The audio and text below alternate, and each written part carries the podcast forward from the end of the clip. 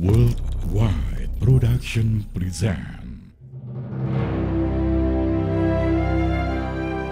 Jepang menyerang Pearl Harbor bagian pertama.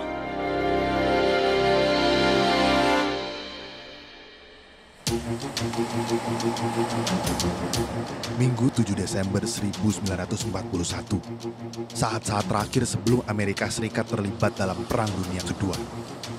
Pukul 3 lewat 42 dini hari, petugas geladak di kapal penyapu ranjau Amerika, Condor, melihat sesuatu. Benda apa itu? Kelihatannya seperti periskop. Posisi kapal Condor berada 3 km dari pintu masuk Pearl Harbor, Oahu, Hawaii. Condor kemudian mengirimkan pesan ke kapal perusak Amerika Serikat yang bernama Ward. Terlihat kapal selam di bawah air menuju ke barat dengan kecepatan 9 knot. Kapal Ward kemudian menindaklanjuti laporan itu dan segera memeriksa keadaan, tapi tidak menemukan apa-apa.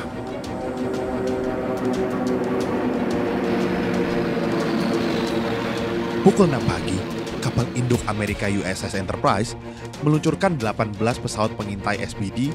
Mereka menuju ke Pulau Fort, Pearl Harbor, dan tiba pukul 8 pagi. Sementara itu di tempat lain, pada pukul 6 lewat 10 pagi, armada Angkatan Laut Kekaisaran Jepang berada di 400 km di utara Oahu. Pusat armada terdiri dari enam kapal induk yang masing-masing bernama Akagi, Hiryu, Kaga, Shokaku, Soryu, dan Zuikaku. Keenam kapal induk itu berada di bawah komando Laksamana Madya, Chuichi Nagumo. Nagumo memerintahkan armada Jepang untuk melakukan sesuatu. Lancarkan serangan mendadak yang telak dan fatal terhadap musuh.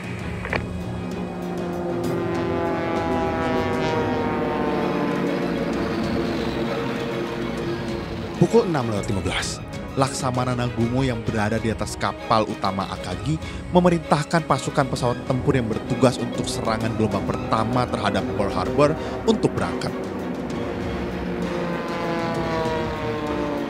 Kapal-kapal itu berbelok ke timur laut dan mulai memberangkatkan pesawat.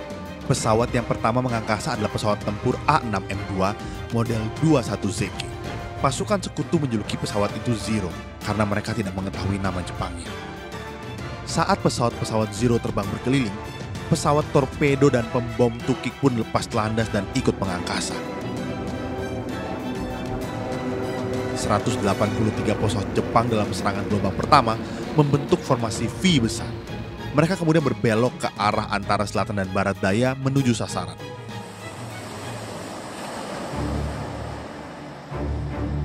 Pukul 6.30 pagi, kapal barang Amerika yang bernama Antares melihat sesuatu yang mirip kapal selam. Kapal Antares itu lalu melamporkannya ke kapal USS Ward. Pesawat pengintai BBY Catalina juga melihatnya. Itu adalah kapal selam mini dari Jepang, Ko Hyoteki. Catalina lalu menjatuhkan penanda asap ke kapal selam itu.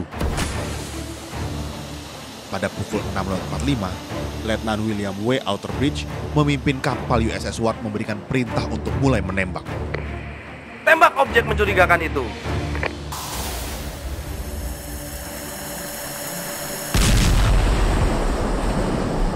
Satu tembakan menghantam menara pengawas kapal selam. Kyohyoteki pun lalu menyelam. Kapal Ward dan BBY turut menjatuhkan bom laut sepanjang jalur yang diperkirakan sebagai arah jalan kapal dari kapal Kohyoteki. Kohyoteki pun kemudian tak muncul lagi. Letnan Outerbridge kemudian mengirimkan pesan bersandi ke markas besar Amerika. Diserang, ditembak, dijatuhi bom laut. Namun pesan itu terlambat dipecahkan oleh personil di markas besar Amerika.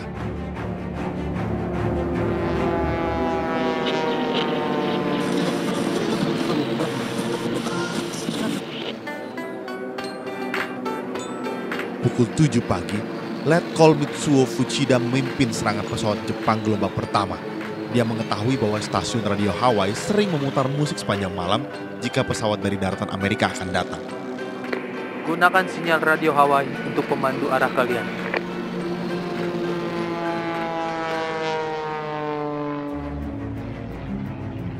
Pukul 7.02 di Bukit Opama, Oahu, Pratu Joseph Lockhart dan George Elliot mengoperasikan stasiun radar bergerak SCR-270. Alat ini rusak ya? Kok ada 50 pesawat di layar? Hubungi Fort Sefter. cepat. Pukul 7.06, kedua prajurit menghubungi pusat jaringan radar di pusat informasi Fort Shafter. Elliot kemudian mendapatkan kabar bahwa semua awak pusat jaringan radar sedang sarapan. Sementara sinyal pertanda itu kini hanya berjarak 160 km di utara, semakin dekat menuju Pearl Harbor.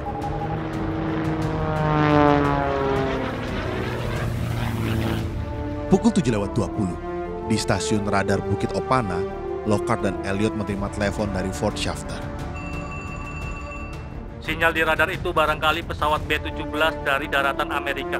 Tak perlu khawatir. Pukul 7.33 di Washington DC, para pemecah sandi Amerika membongkar bagian terakhir dari 14 bagian pesan Jepang yang harus disampaikan kepada para pejabat Amerika pada pukul 13. Pesan itu berisi kata-kata agresif dan mengancam seperti perintah perang. Kepala Staf Angkatan Darat Amerika Jenderal George C. Marshall lalu memperingatkan markas besar Angkatan Darat di Hawaii. Namun cuaca menghambat hubungan radio dengan Hawaii, sehingga pesan Marshall dikirim lewat telegram. Pesan itu terlambat dibaca sampai pukul 3 sore.